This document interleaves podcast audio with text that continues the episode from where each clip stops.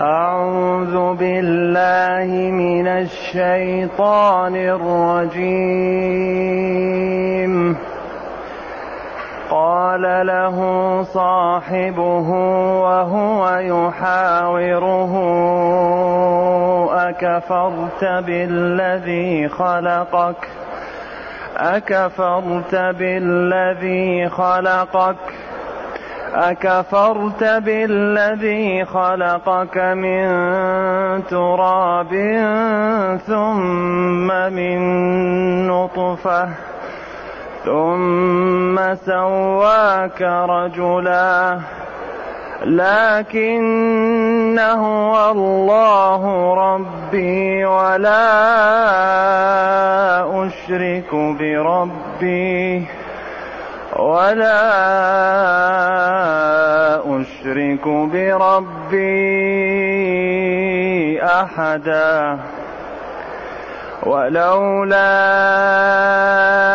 إذ دخلت جنتك قلت ما شاء الله لا قوة إلا بالله. ولولا إذ دخلت جنتك قلت ما شاء الله لا قوة إلا بالله. إن ترني أنا أقل منك مالا وولدا. فعسى ربي أن يؤتيني خيرا من جنتك ويرسل عليها حسبانا من السماء ويرسل عليها حسبانا من السماء فتصبح صعيدا زلقا أو يصبح ماؤها غورا فلن تستطيع له طلبا وأحيط بثمره فأصبح يقلب كفيه على ما أنفق فيها. فأصبح يقلب كفيه على ما أنفق فيها وهي خاوية على عروشها. وهي خاوية على عروشها ويقول يا ليتني لم أشرك بربي. ويقول يا ليتني لم أشرك بربي أحدا. ولم تكن له فئة ينصرونه من دون الله وما كان منتصرا. هنالك الولاية لله الحق. هو خير ثوابا وخير عقبا. الحمد لله الذي أنزل إلينا أشمل كتاب وأرسل إلينا أفضل الرسل وجعلنا خير أمة أخرجت للناس. فله الحمد وله الشكر على هذه النعم العظيمة والآلاء الجسيمة والصلاة والسلام على خير خلق الله. وعلى آله وأصحابه ومن اهتدى بهداه. ما بعد فإن الله تعالى يبين الشريحتين. سواء كان هذا مثل ضربه الله لما حصل من صهيب وبلال وعمار وما حصل من صناديد قريش وكفارهم من التعالي والنفرة عن دين الله وعن أهل الدين وما حصل لهؤلاء من الاستقامة والاستكانة والطاعة أو كان ذلك لأخوين ورث من مورثهما مالا كثيرا فأحدهما نمى ذلك المال واستعمله في المعاصي والشهوات والثاني صرف ماله في طاعة الله. لأنه هذا محتمل لهذا وهذا وكل قيل. والمقصود بهذا أن الناس شريحتان. شريحة استقامت ونجت وشريحة انحرفت فهلكت. هذا هو هذا القرآن أغلبه على هذا على هذا المنوال. يقول قال له صاحبه قال له أي صاحب المال الذي له الجنتان وله وهو يحاوره يجادله ويراجعه ويتكلم معه لإقناعه بخطورة الكفر وعدم الإنفاق في سبيل الله. أكفرت. بالذي خلقك من تراب. يعني أصلك. آدم خلق من تراب ثم بعد ذلك البشر خلقوا من نطفة وهو الماء القليل. أكفرت. بمن أوجد أصلك وأوجدك أنت من ماء مهين. نطفة. يعني هذا على سبيل الإنكار والتقريع به وأن هذا أمر لا يليق بهذا الإنسان. ثم سواك رجلا. ثم بعد ذلك رفعك من طور وطور حتى أصبحت رجلا عاقلا. تتصرف وتعقل وتعقد وتحل وت... نعم. كما قال ثم أنشأناه خلقا آخر فتبارك الله أحسن الخالقين. لكن هو الله ربي. لكن للعلماء فيها أقوال. إنها لكن أنا. فحذفت الهمزة وأضغمت النون في النون. ولذلك بقي الألف الأخير في أنا. لكن على الخلاف الموجود بينهم في هذا. لكن أنا الله ربي. ولذلك حذفت الهمزة وأضغمت النون في النون وبقي. لكن حذف الألف الأخير وأحيانا يبقى إذا لم يكن فيه ساكن. لكن لكن هو الله. ربي لا أشرك به شيئا ولا أترك عبادته ولا يصرفني عنه ما أعطاني من النعم بل ذلك يكون سببا في طاعته والخوف منه وامتثال الأوامر واجتناب النواهي. لكن هو الله ربي ولا أشرك بربي أحدا.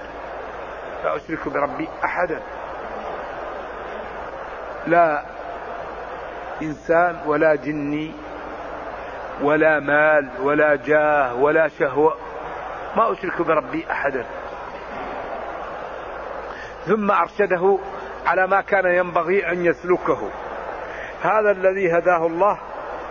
قال لي هذا لكن لست معك فيما تفعل. أنا الله ربي أنا الله ربي. هو الله المعبود بحق. لا شريك له هو الذي رباني وأكلأني وحفظني وأعطاني ودفع عني وهو الذي يستحق العبادة. أما غيره فبأي حق يستحق العبادة؟ هو عاجز. هو لا يملك لنفسه ضرا ولا نفعا. فالله هو اللي يستحق العبادة. هو الذي يخلق هو الذي يغني هو الذي يفقر هو الذي يحيي هو الذي يميت هو الذي يعطي الملك وينزع وينزعه. يعطي الولد والجاه والصحة والعافية والرزق وهو الذي يمنع. فلا يستحق العبادة إلا الله. ولا أشرك بربي أحدا لا أشرك بربي أحد. هذا يقوله أخوه أو الشريحة التي استقامت. ثم أرشده على الطريق التي ينبغي أن يسلكها العاقل. ولولا إذ دخلت جنتك لولا هلا تحضيد. هنا هلا إذ دخلت جنتك بستانك أو بساتينك ورأيت ما فيها من الثمار والأشجار والزروع والمياه قلت ما شاء الله لا قوة إلا بالله. ما شاء الله كان. لا قوة ولا حول إلا به. فلو لم يشأ أن يكون لي هذا البستان لم يكن لي. ولو لم يشأ أن يفجر هذا العيون لم يفجرها. ولذلك ينبغي للمسلم إذا رأى ما يعجبه من نفسه وماله وولده أن يقول لا ما شاء الله لا قوة إلا بالله. إذا رأى في نفسه عافية أو في ولده أو في ماله أن يقول ما شاء الله لا قوة إلا بالله. لأن الإنسان قد يصيب نفسه بالعين وقد يصيب ولده وأخاه وزوجه. فلذلك ينبغي للإنسان أن إذا رأى ما يعجبه أن يبارك ويذكر الله. بارك الله ما شاء الله لا قوة إلا بالله لا حول ولا قوة إلا بالله. لذلك العين حق. تدخل الرجل القبر والجمل القدر. ذلك ينبغي للمسلم أن يكف لسانه وبصره عن المسلمين. وإذا رأى ما يعجبه من الناس أن إيش؟ أن يذكر الله. وإذا رأى أنه أعان شخص يغسل له يتوضأ له. وإذا قال له شخص توضأ لي لا يمتنع. فلذا الإنسان يحافظ لأن الإنسان إذا أصاب شخص بالعين يوم القيامة يأتي يقول دمي فيك. أنت أصبتني بالعين ولم تخاف الله ولم تذكر الله. وأرسلت بصرك وقلبك على الناس فضررتها بعينك. يوم القيامة يطالبه بحقوقهم. لذلك ينبغي الإنسان أن يغض بصره ويكف لسانه عن الناس. وإذا رأى ما يعجبه من نفسه أو ولده أو ماله أو من أخيه المسلم فليقول ما شاء الله لا قوة إلا بالله. فلا يعين الناس ولا يتكلم. الرجل الذي كانوا في ذاهبين إلى الحج ورأى أخاه وقال جلد كجلد العروس فتلطع جسمه. فقال أيقتل أحدكم أخاه؟ فذهب وقال له توضأ له واصل مراقك. فلما اغتسل به كأنما نشط من عقال. نعم. فذلك ينبغي للإنسان أن يحافظ على إخوانه كما يحافظ على نفسه؟ لا يكون هذا ليس ماله يريد أن يحرق هذا ليس نفسك تريد أن يتضرر. هذا لا يجوز. والله لا يؤمن أحدكم حتى يحب لأخيه ما يحب لنفسه. هذا الإسلام دين راقي. راقي فيه من الرقي والسمو. والحسن والجمال والجلال ما لا يعلمه إلا الله. أنت لا يكمل إيمانك إلا إذا أحببت لإخوانك ما تحب لنفسك. أتحب أحد أن يصيبك بالعين؟ لا تعين الآخرين. أتحب أحد أن يفضحك؟ لا تفضح الآخرين. أتحب أحد أن يظهر عيوبك؟ لا تظهر عيوب الآخرين. إذا والله لا يؤمن أحدكم حتى يحب لأخيه ما يحب لنفسه هذا زرع الأخوة والمحبة والألفة بين المسلمين. لأن أكثر ما يأتي بعدم المحبة النفرة. فإذا كان المسلم واجب عليه أن يحب إخوانه عند ذلك تزول الكراهية وتأتي الألفة. فتأتي الطمأنينة ويأتي الأمطار ويأتي الخير وتأتي القوة ويأتي التآلف فنكون أقوى أمة. لأن أكبر سبب الضعف ما هو؟ التنازع. ولا تنازعوا فتفشلوا. إذا ولولا هل لا دخلت جنتك قلت ما شاء الله؟ لا قوة إلا بالله.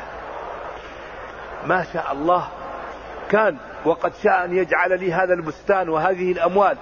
لا قوة ولا حول لي ولا تصرف لي إلا بالله.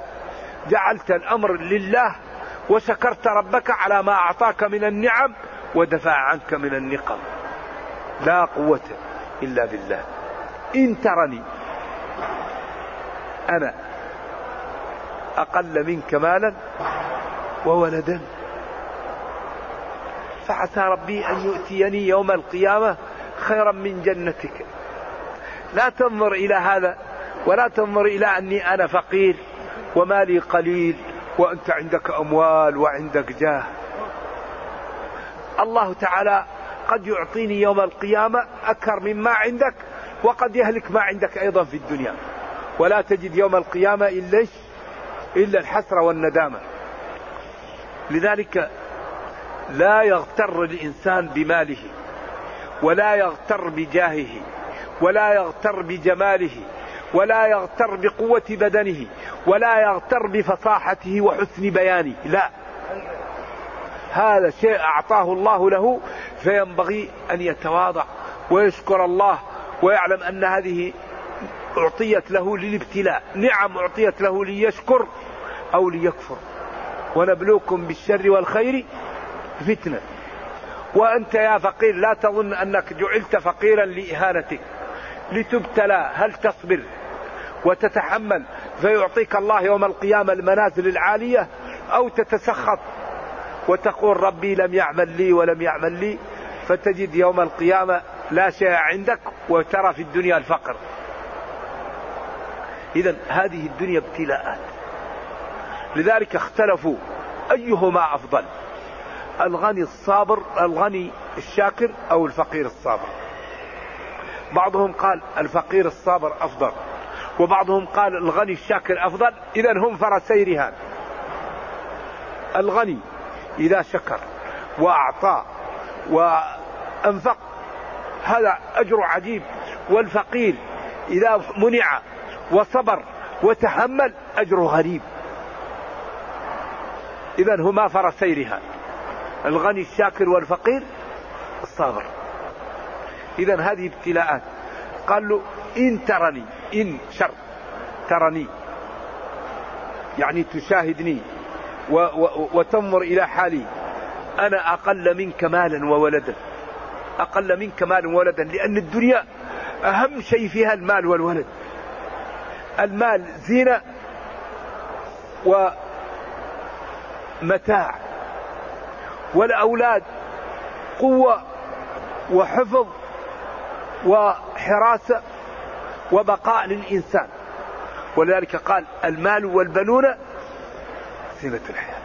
إن ترني أنا أقل منك مالا وولدا فعسى وعسى من الله واجبه أن يؤتيني يوم القيامة خيرا من جنتي. يؤتيني يوم القيامة منازل أزواج وغرف وبساتين وظل ممدود وماء مسكوب وفاكهة كثيرة لا مقطوعة ولا ممنوعة. وفرش مرفوعة. إنا أنشأناهن إنشاء فجعلناهن أبكارا عربا أترابا. لمن؟ لأصحاب اليمين. هذا خيرا من جنتك. يعطيني يوم القيامة. ويرسل يرسل الله عليها على جنتك ومالك حسبان صاعقة أو حريق أو ريح. من السماء تأتيها من السماء. لا يمكن أحد أن يردها. فتصبح صعيدا لا شيء فيها. أرض جرداء قاحلة كل ما فيها لا شيء فيها. زلقا ما فيها أي شيء إذا مشيت فيها تزلق لعدم وجود أي شيء فيها. أو يصبح ماؤها غورا الماء يكون يبعد ثلاثة ألاف كيلو متر تحت. ما يمكن أن يوصل إليه. يصبح ماؤها غور ينزل. نزول لا يمكن أن يصل له شيء. ما يمكن أن تصل إليه. يغار يبتعد. فلن تستطيع له إذا أردت أن تأتي به لا تستطيع لبعده وقلته. ثم أحيط بثمره ثمره ذمره وكل المعنى واحد. فأصبح يقلب كفيه على ما أنفق فيها.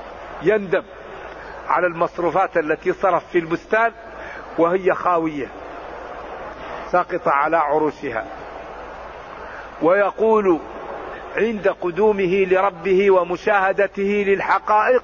يا ليتني لم أشرك بربي أحدا. يا ليتني. آمنت ولم أشرك بربي أحدا. ولم تكن له. هذا الذي يقول هذا فئة جماعة أصدقاء أو عشيرة أو شركاء أو ناس زرع فيهم ود ما له أحد ينصرونه من دون الله وما كان منتصرا ولم يكن منتصر لأن الله تعالى هو الغالب وقد كفر به في الدنيا وصرف أمواله في, في الحرام والآن جاء ليأخذ جزاءه كاملا. هنالك الولاية الولاية. الولاية والولاية قيل هما بمعنى واحد وقيل الولاية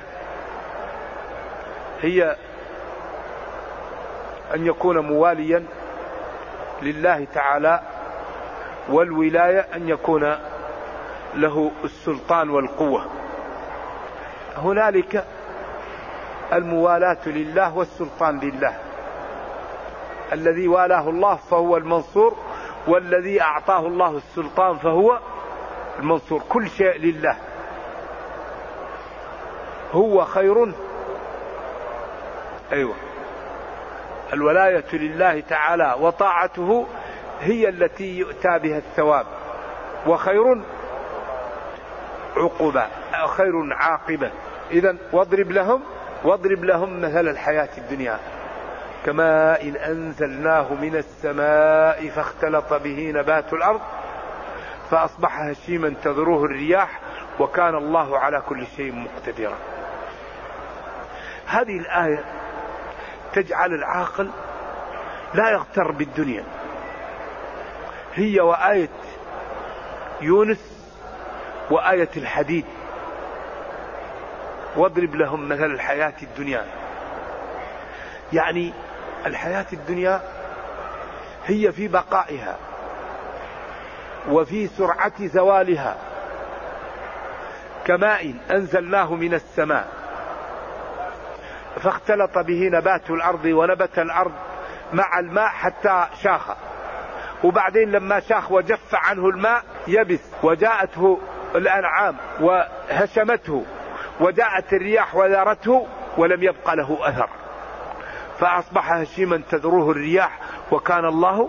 وقال في الآية الأخرى إنما الحياة الدنيا لعب ولهو وزينة وتفاخر بينكم وتكاثر في الأموال والأولاد. كمثل غيث أعجب الكفار. نباته الغيث هو المطر الكفار الزراع.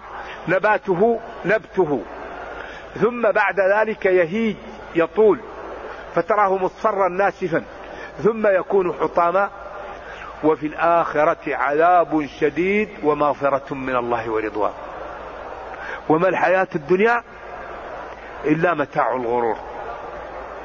إذا هذه الآيات تبين أن الدنيا لا يغتر بها إلا مغرور.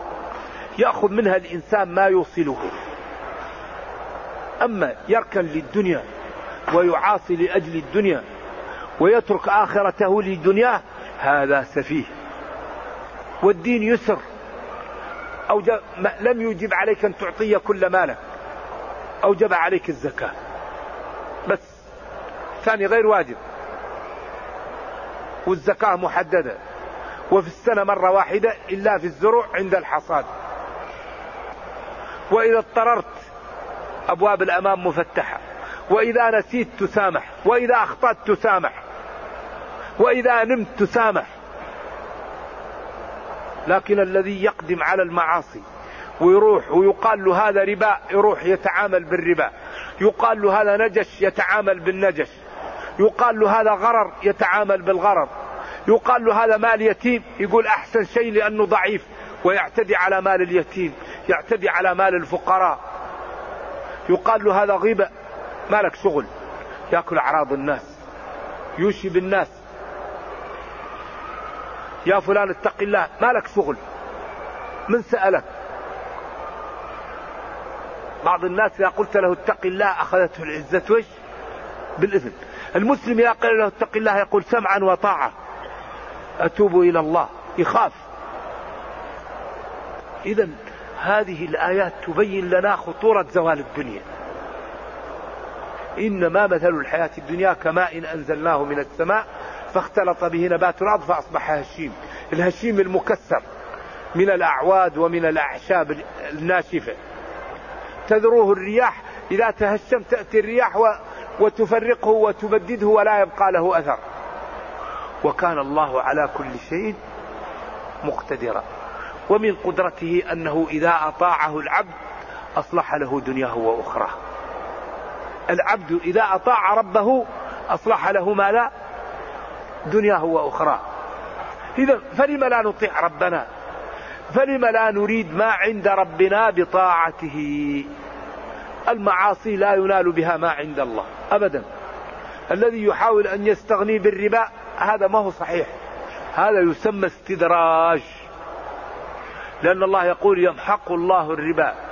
ذروا ما بقي من الربا إن كنتم مؤمنين فإن لم تفعلوا فأذنوا بحرب. المال القليل والعمر القليل والولد القليل إذا كان على طاعة الله الله يبارك فيه. كم من واحد يعيش مدة قليلة ويكون عمره كله مليء بالإنتاج. كم من واحد يعيش سنوات كثيرة ويكون العمر خاوي لأنه ما أطاع الله ولا عمل شيء فيكون كل العمر وبال عليه. ولذلك فائدة العمر إذا طال لمن حسن عمله. خيركم من طال وحسن عمله. والشر من طال عمره وساء عمله لأن تكون ذنوب كثيرة. فلذلك هنالك الولاية لله الحق. وهو جل وعلا خير ثوابا أي ثوابه أفضل والعاقبة في طاعته أفضل. ثم قال واضرب لهم يا نبي مثل الحياة الدنيا بأنها تشبه الماء الذي أنزل على الأرض فاختلط به نبات الأرض ثم بعد ذلك كف عنه المطر فأصبح هشيما تذروه الرياح وكان الله على كل شيء مقتدرا. فأنت يا عبد ما تريده أسأله لله والله قادر لكن ينبغي قبل أن تسأل الله أن توفي بعهدك. كما قال تعالى أوفوا بعهدي أوفي بعهدكم. أوفوا بعهدي. فإن أقمتم الصلاة وآتيتم الزكاة وآمنتم برسلي وعزرتموهم وأقرضتم الله قرضا حسنا إيش؟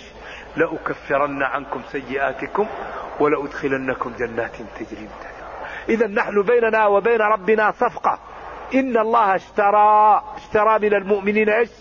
أنفسهم وأموالهم بأن لهم الجنة. وقال فاستبشروا ببيعكم إيش؟ الذي بايعتم به. إذا أردنا الجنة نبذل. أما نغالط.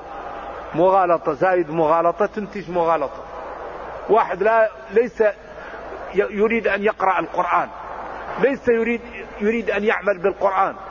لا يترك أذية الجيران لا يترك الغيبة لا يترك النظر للحرام لا يترك الوشاية بالمسلمين لا يترك الغيبة والنميمة. هذا مشكل هذا يمسح الإيمان. الإيمان أكثر ما يضر المعاصي تقسي القلب. فإذا قسى القلب هان على الإنسان المعاصي وثقلت عليه الطاعات.